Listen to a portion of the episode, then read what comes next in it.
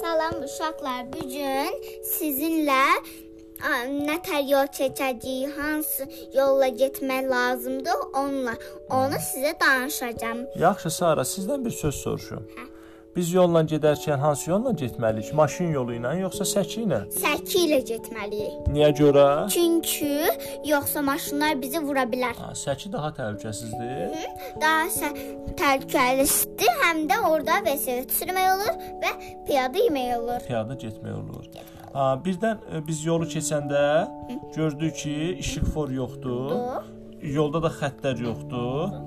Amma yerüstü keçid var. Onlar keçə bilər. yəni. Ondan keçmək olar. Hə, onlar Ha, yolu qaçmaq olmaz, ondan keçmək lazımdır. keçmək lazımdır. Birdən ki, yerüstü keçid olması qarşımıza işıqfor çıxsa, o nə deməkdir? onda insan yaşıl şəkili çıxanda onlar o yananda demək Hə, keçmək lazımdır. gözləməliyik ki, işıq yansın. Yaşıl işığı insan işığı yansın, yaşıl onunla keçək o Aa, vaxtı. Birdən bir yol çıxdı qabağımıza. Orada işıqfor da yoxdur, yerüstü keçid də yoxdur. Amma yolda ağ xəttlər var. Orda Gözləməli keçmək olar olmaz.